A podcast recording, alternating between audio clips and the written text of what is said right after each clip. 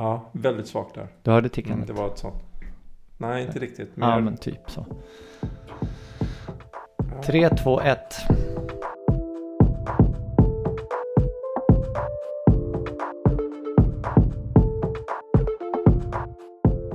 Tjena Patrik, Tjena Greger. hur är läget? Ja, men det är faktiskt fruktansvärt bra. Det är det. Ja, det är det. Vi sitter ju här. Ja, vi sitter här och poddar. En... Podden om ingenting, eller? Ja, det är väl så vi har tänkt. Vad menar du egentligen då? Vi menar väl att, att vi inte riktigt vet vad den riktigt ska handla om. Och vi menar väl att eh, hade den varit eh, så explicit podden om tankar som två medelålders flintskalliga män har i en källare så hade det kanske inte intresserat någon. Nej. Så, Nej, vem skulle Så vilja lyssna på det? ja, precis. Så det finns väl någon slags eh, förhoppningsvis någonting lite, vi kan skapa lite nyfikenhet kanske. Eh, kring vad ska Ja, de här vi har väl snubbarna prata om. Någonting kommer vi... Det är precis som George Costanza säger i Seinfeld. Ja. Eller Seinfeld var det ju som försökte säga det. Att någonting händer ju ändå på vägen hem. Men George han säger liksom Nej, det händer absolut Ja, ingenting. Men Georgie är störd. Liksom. Ja, är och det är ju han, hela hans roll i, i, den eh, serien. Nu har vi ju dessutom outat hur gamla vi är och vad vi har för Ja, referensramar. Men ja. det är väl kanske bra att vara lite mer helt eh, transparent det. Liksom. Men du, eh, hur kom det sig att vi egentligen hamnade här? I min källare med två mickar framför oss och hörlurar på de här skallarna. Det började väl faktiskt i ett telefonsamtal. Ett telefonsamtal där, eh, för vi kan väl avslöja att vi har ju både jobbat ihop som kollegor och nu Yes. lite i branschen. ehm, Och Exakt. vi hade ett eh, samtal i, i jobbet och du berättade nog att du var ledig den dagen.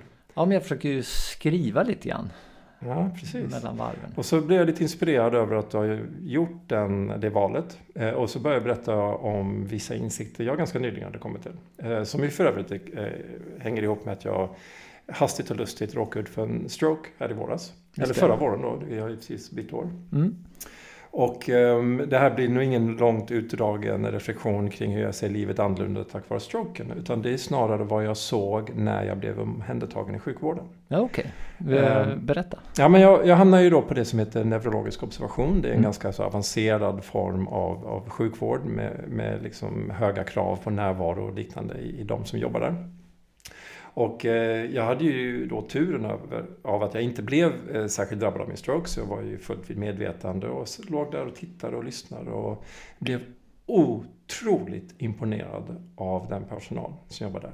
Framförallt, eh, läkarna var jättetrevliga såklart, men framförallt de som hade hand om mig eh, till så här dagligdags. Och lyssnade på hur de jobbade med de övriga patienterna. Eh, det är ju skärmar och så såklart av integritetsskäl, men man hör ju väldigt mycket. Mm.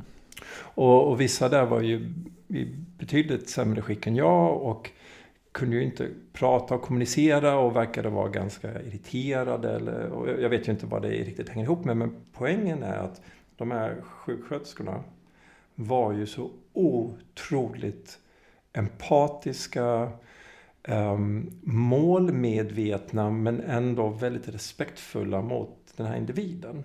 Och gjorde ett sånt fruktansvärt bra jobb. Och, och, jag- och det, det, jag blir nästan rörd till tårar när jag tänker på det, för jag blir så oerhört fascinerad över det.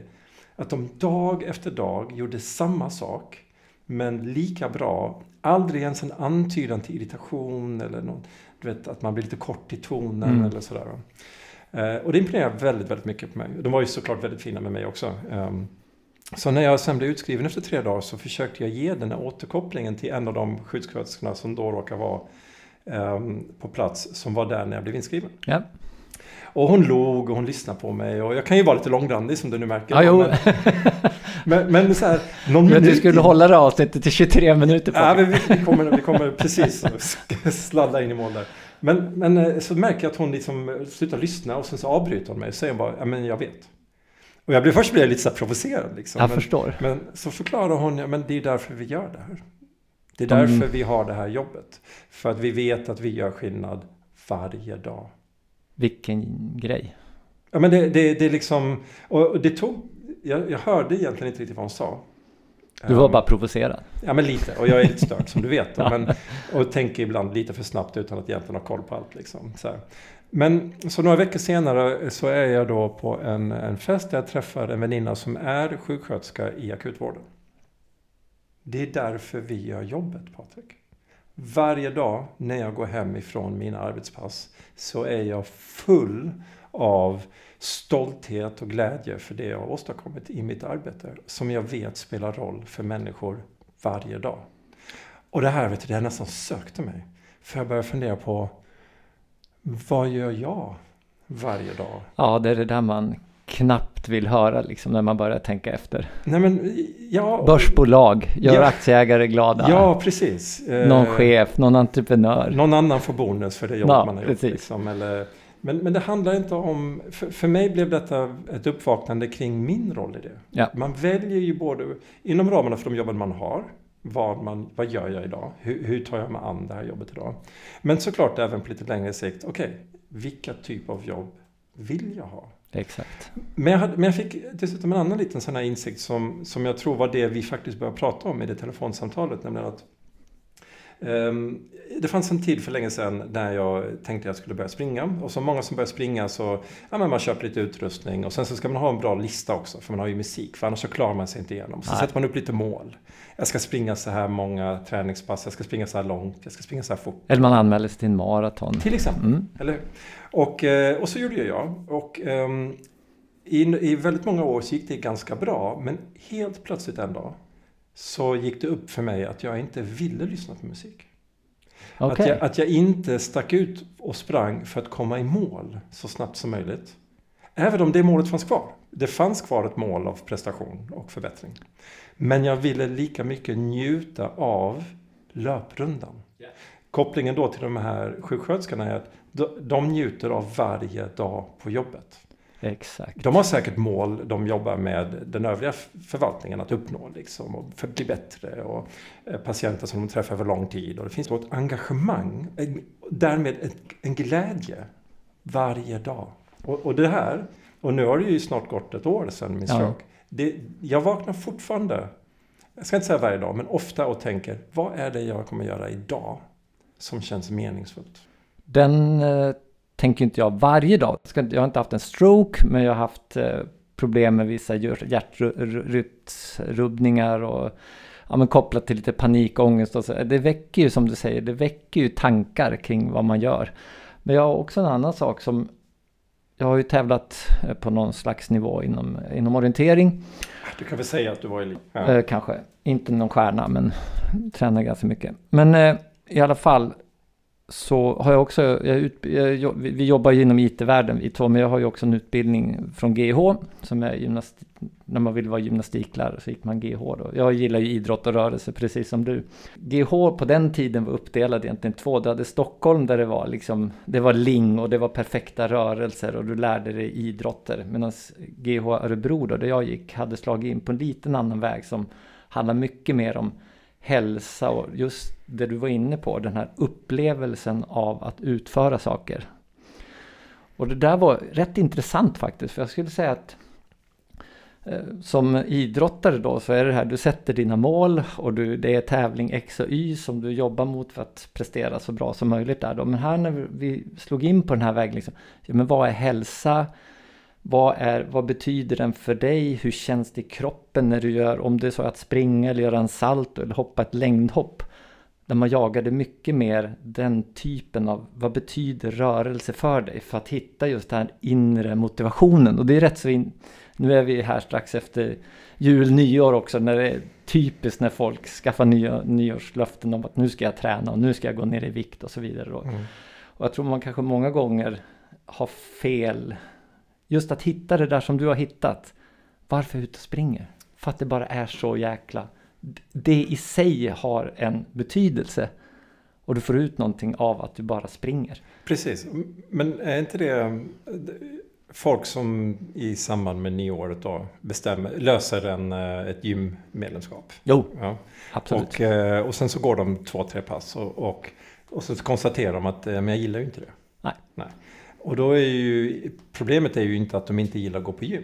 Problemet är att de helt enkelt har köpt in på det konceptet. Yes. Istället för att ställa sig frågan, hur lever jag ett hälsosamt liv? Mm. Vad, vad tycker jag är kul? Är det här en hälsopodd? Mm, nej, det är det inte. Det är ju podden om ingenting om vi sagt. Ja, just Men det är det. rimligtvis inte bara en hälsopodd. nej, men det det är inte en hälsopodd. Det är det Nej. absolut inte. Jag, jag, jag, men det finns ju en bok, det är en japansk författare som har skrivit en bok som heter What I talk about when I talk about running. Eller What I think about when I think about running. Ja. Ja.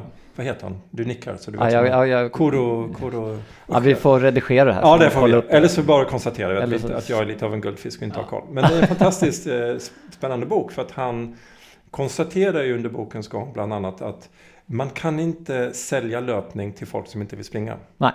Eh, och för att eh, ganska tidigt i boken så konstaterar han ju hur ofta löpare, speciellt ny, nyförälskade löpare, sitter på middagar och försöker omvandla alla vid middagsbordet Ja, ja, till ja, ja. löpare liksom. Och kan inte sluta prata om det. Och, jag, och när jag läste den delen av boken så fick jag, det var som om någon höll upp en spegel för mig och jag skämdes lite. Liksom så.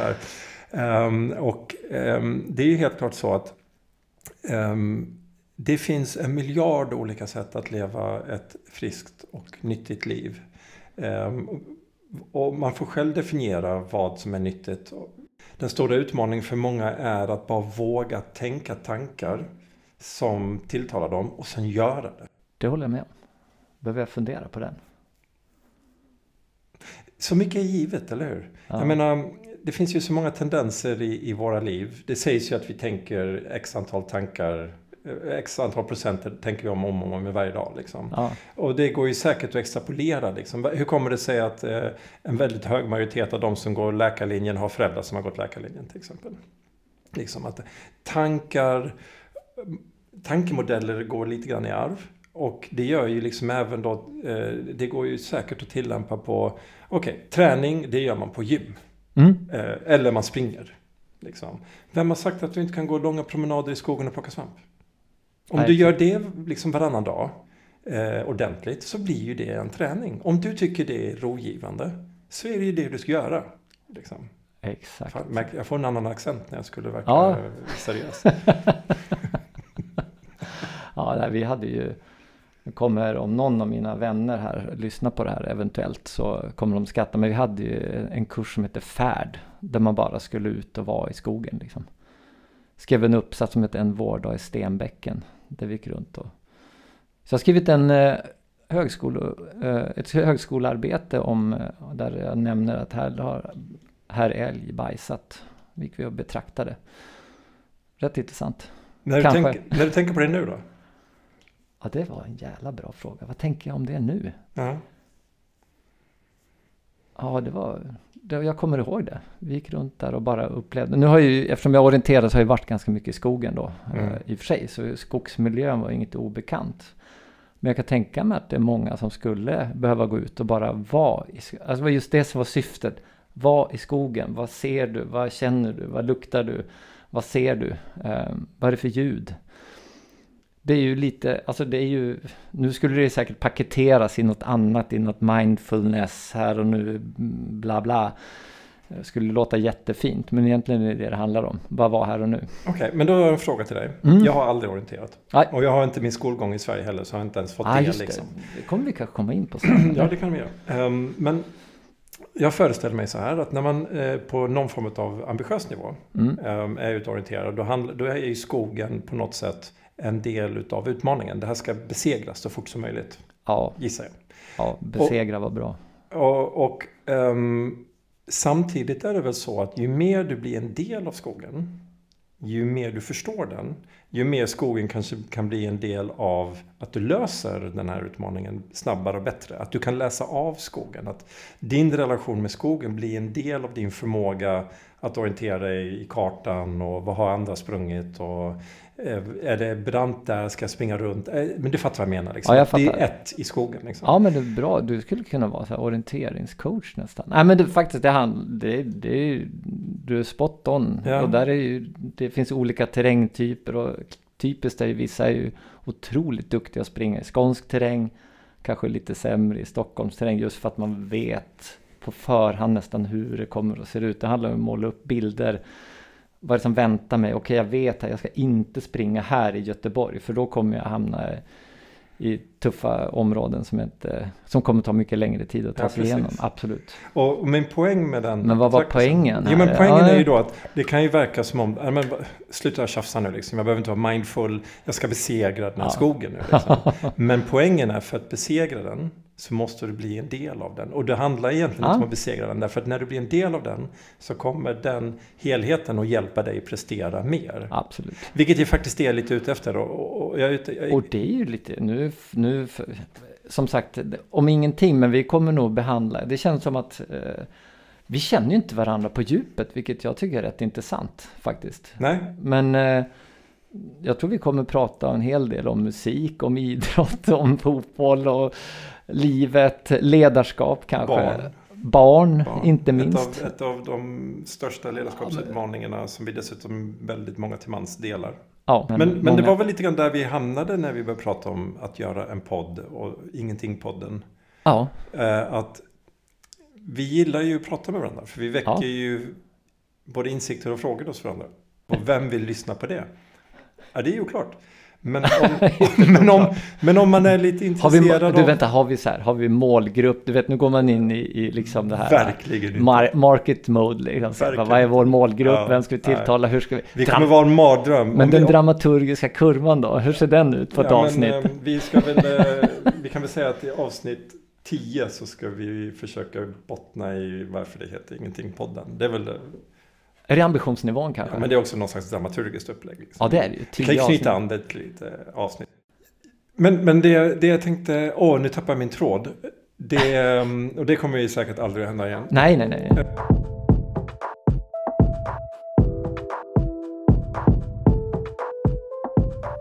liksom tankar, både rädslor man kan ha inför beslut man fattar. Mm. Ehm, eller eh, rädsla, men rädsla kan ju hänga upp i mycket. Det kan ju vara, bottna i att man ehm, till exempel, du, du har ju varit mycket modigare än jag när det gäller att till exempel starta eget och, och Mm. liksom fatta beslut som kanske jag då som är lite av en trygghetsnarkoman när det gäller min karriär. Eh, många gånger har jag känt att jag borde fatta beslut om men aldrig riktigt vågat. Vad, är vad, är, vad, vad bottnar det i då? Ja, ehm, jag... ehm, det finns någon slags dualitet tror jag i... I vissa avseenden så kan jag vara ehm, modig och utmanande. Mm. Men i, i många andra så är det nästan tvärtom. Ja, okej. Ehm, jag, är, jag är ganska modig i tanke men jag är inte lika modig i, han, i handling. Ja, okej. Jag tror... Jag vet inte om jag är så modig, men jag kan ju relatera, kan nog många andra också relatera till att... Och det kan vara lite lä, beroende på vad, vilken situation det hamnar om. Och när det gäller, för att knyta tillbaks då till den här insikten om um, sjuksköterskorna och den insikten jag fick om Mm. det. Ehm, så, så tänker jag att dels så har jag haft mål. eh, i, svårt att säga om de är explicita mål, men jag har haft föreställningar i mitt huvud om vad, vem är jag och vad för slags karriär ska jag ha? Och då pratar vi jobbkarriär då. Ja, huvudsakligen jobbkarriär. Ja. Men även vem jag ska vara, hur ska jag vara som förälder. Ehm, och Vilken mycket- musik ska du ha i din... Exakt. I din exakt. er, erkänn det att du är jäkligt noga med, om man kommer hem Ja, till dig så är det ingen är slump vilken musik du Nej. spelar. Och jag, och jag, Är det, har det jag vill varit, bara är, nu, det, är det så här, är det en del av det? Är det viktigt för dig? det har varit en del av min identitet och jag är pinsamt medveten om att jag har varit ganska så odräglig i alla möjliga sammanhang. Jag kan, alltså, och eftersom jag lätt kan räkna upp kanske hundra sammanhang så har det förmodligen hänt tio gånger fler eller hundra gånger fler. Ja, och jag är, ja, men jag är faktiskt Har du sett lite- ner på så här, någon som gillar... eh, Ja, dels det. Dels att vara Taylor så Swift, överlägsen. Katy Perry. Och, och, som om det finns något rätt eller fel i musiks... eh, Liksom den typen av attityd. Så här, Jag kan se det liksom. Ja, tack. tack kul. Jävlar, pretentiös du är alltså. Men det, det, det, menar jag verkligen. Om det, om det nu finns några lyssnare och, eh, och ni känner igen eh, mig i detta så ber jag om ursäkt. Ja, jag, jag tror det är många som delar det. Du har dina... Det, musik är ju en sån liten...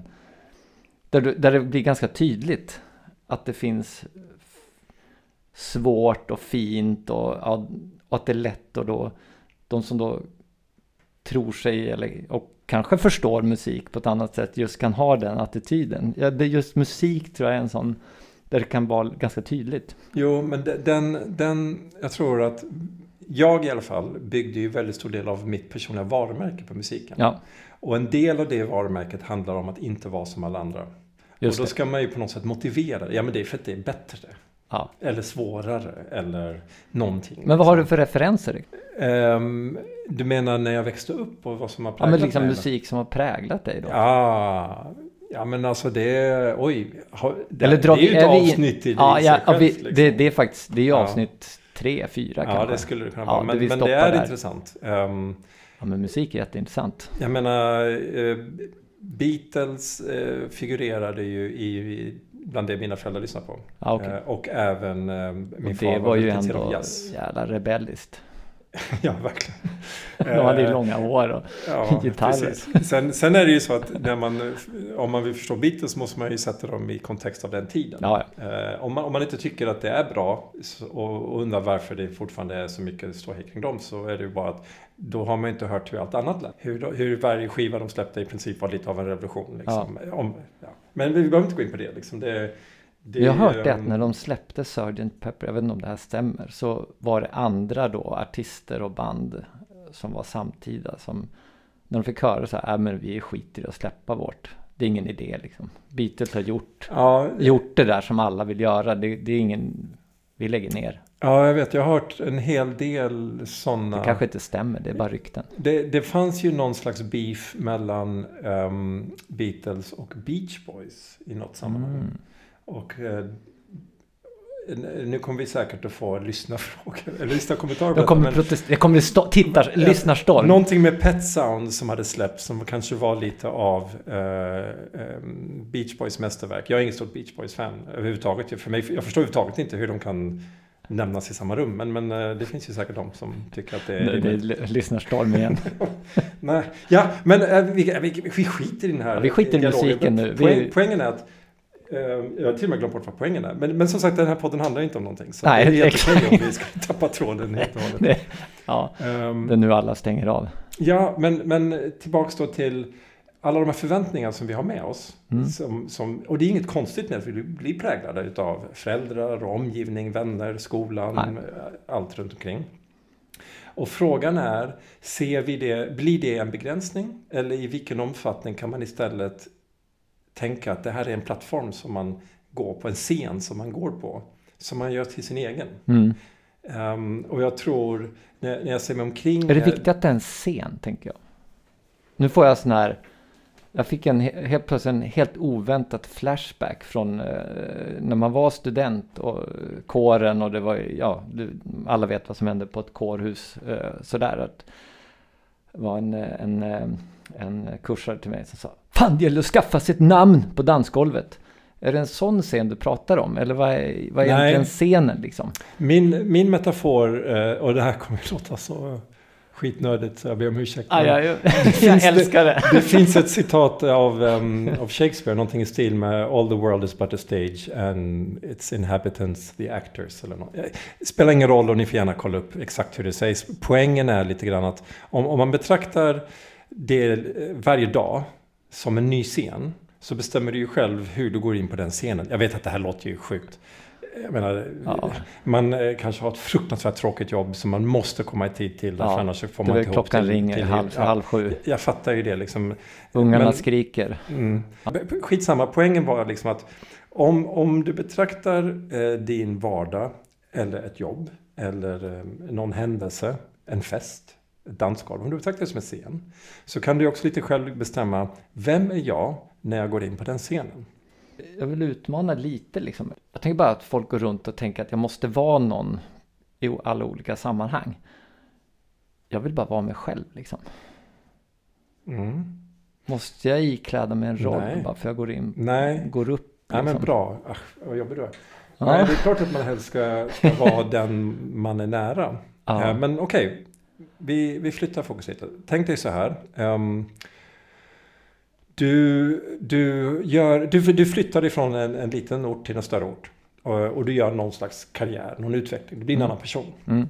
Och du eh, börjar upptäcka saker hos dig som det inte fanns Oj. utrymme för eh, där, där du kommer ifrån. Ehm, och du, du liksom fullföljer de här begåvningarna eller viljan liksom bli någonting. Sen, sen så är det då, säger vi så här, eh, klassfest i, i den gamla orten där du växte upp.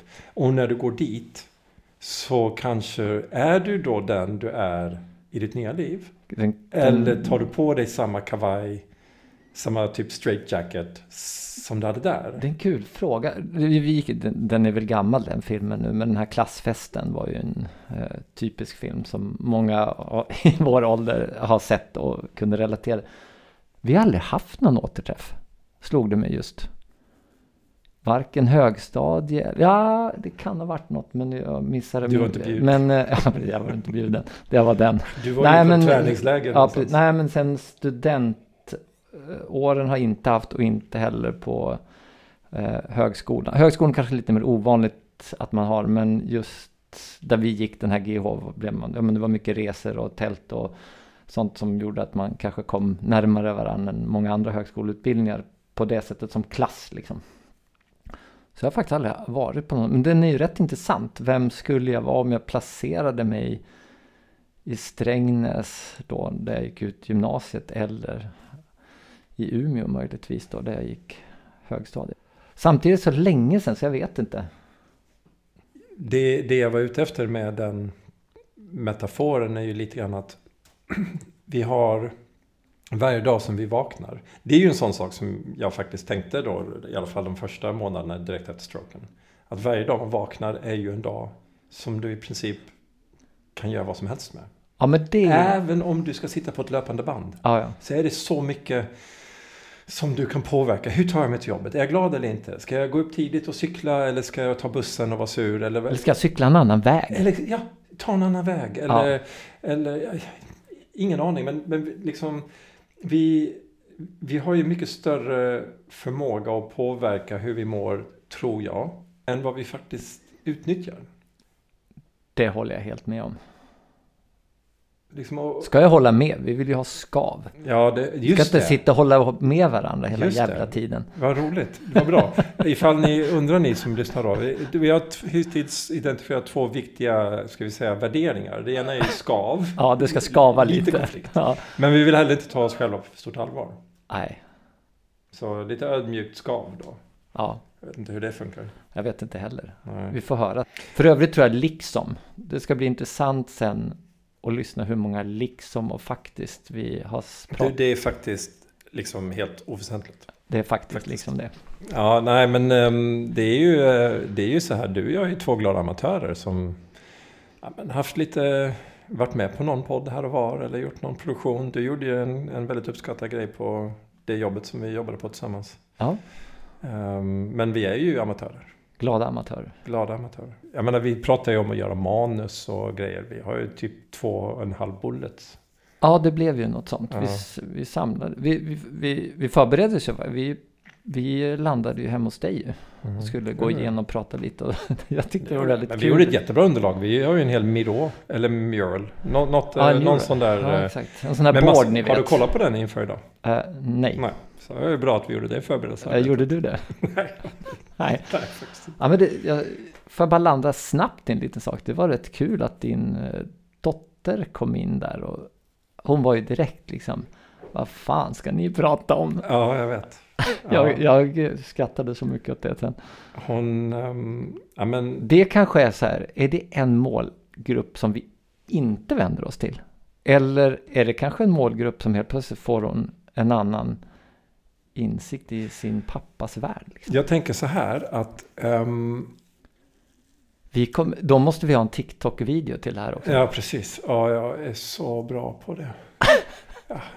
Det, det, men grejen är att jag har på något sätt förlikat mig med att alla de här olika uttrycken som kommer med olika generationer. Liksom.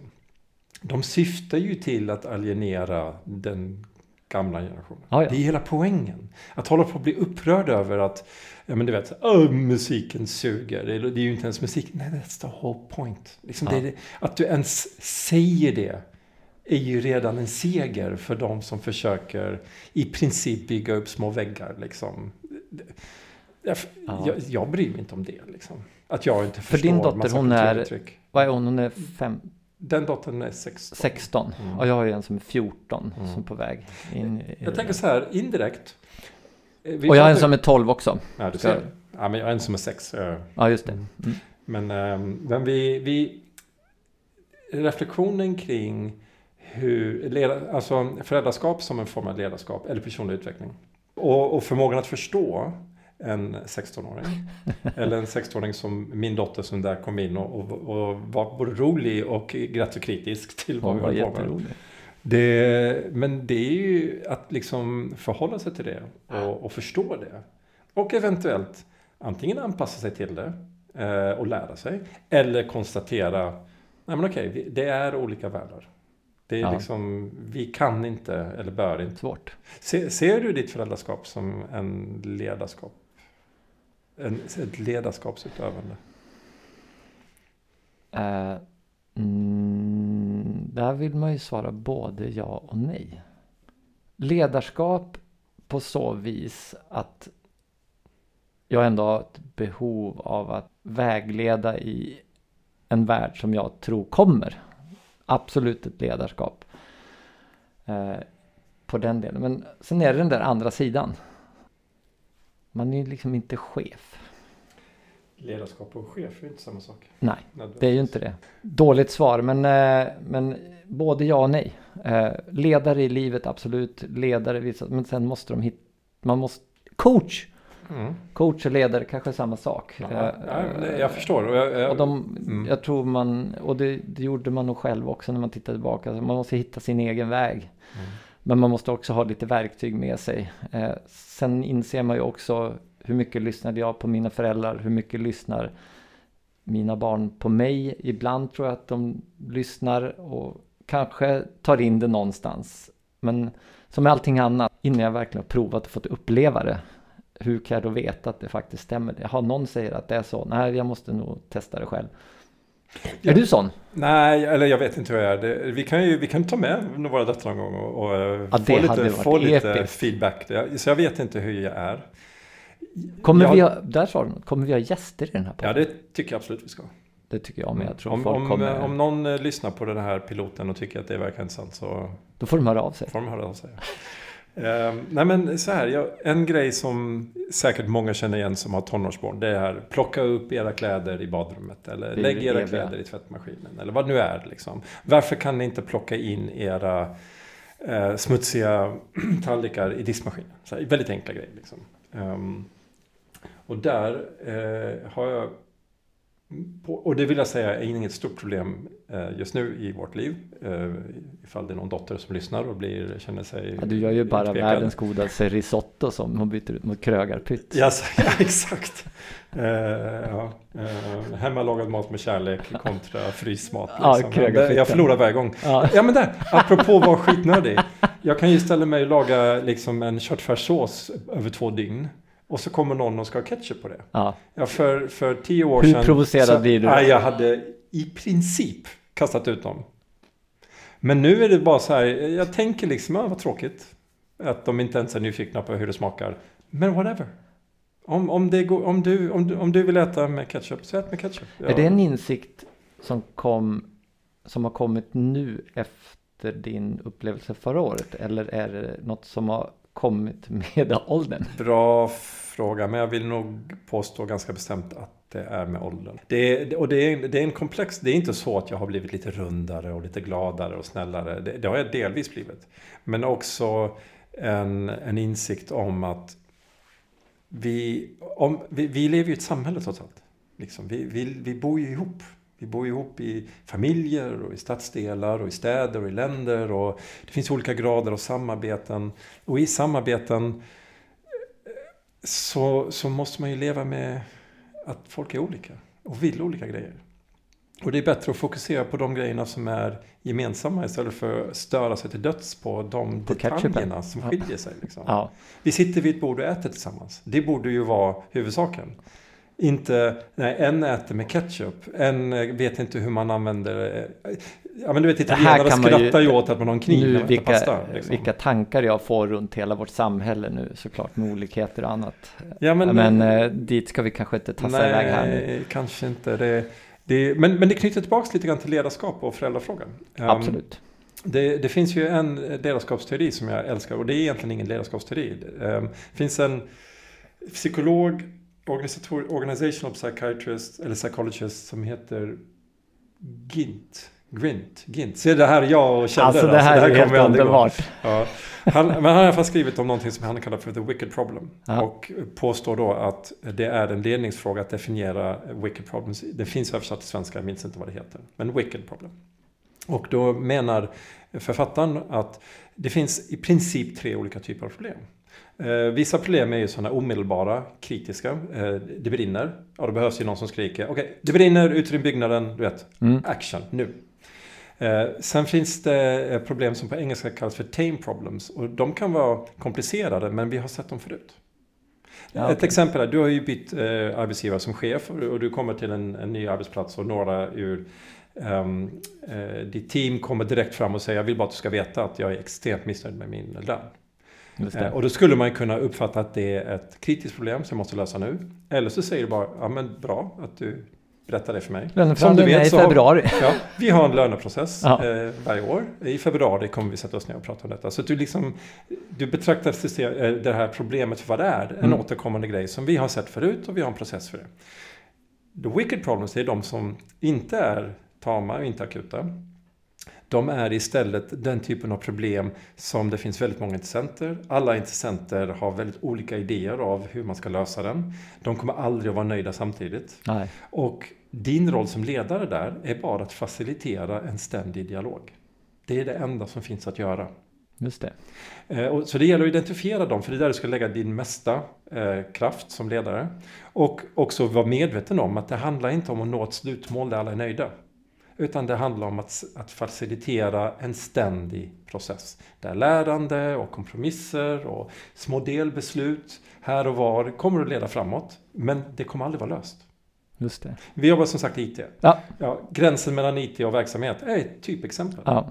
Det är aldrig riktigt löst. Liksom. Det, det kommer hela tiden att finnas ett missnöje kring det, det systemet som vi kravställde för tre år sedan. Eller nu har allting förändrats. Eller nu vill vi det istället. Eller det var inte det vi menade. Nej, bra. Då får vi hela tiden sitta och prata om hur vi ska hantera det. Helt det finns ju massa andra problem i samhället som är mycket större än ett missanpassade ja. IT-system. Liksom. Ja, Tillbaka till det. Vad gör man egentligen? exakt. exakt. Men du, vet du vad? Eh, Jag ser här i vår inspelnings... Vi skulle ju hålla oss till 23 minuter. Vad Hur då? tror du att vi har lyckats? Dåligt. Det tror jag med. är det så? Ja, jag ser ju tyvärr bara, jag ser inte tiden där, jag ser takter. Jaha. Och för den som är intresserad så är vi uppe i 1293 takter. Och hur lång är en takt då? Ja, det, det var ju det som var svår, Var svåra var frågan. svår? Okej. Ja, Jag gissar att vi har pratat en halvtimme. jag skulle tro det. Får det Men eh, vet du vad vi gör? Nej. Ska vi ta och runda av och sen så gör vi oss redo för att planera den där mural eh, avsnitt nummer två. Vi kanske ska göra det. Ja. Ja men tack så du ha Patrik. Tack ska du ha.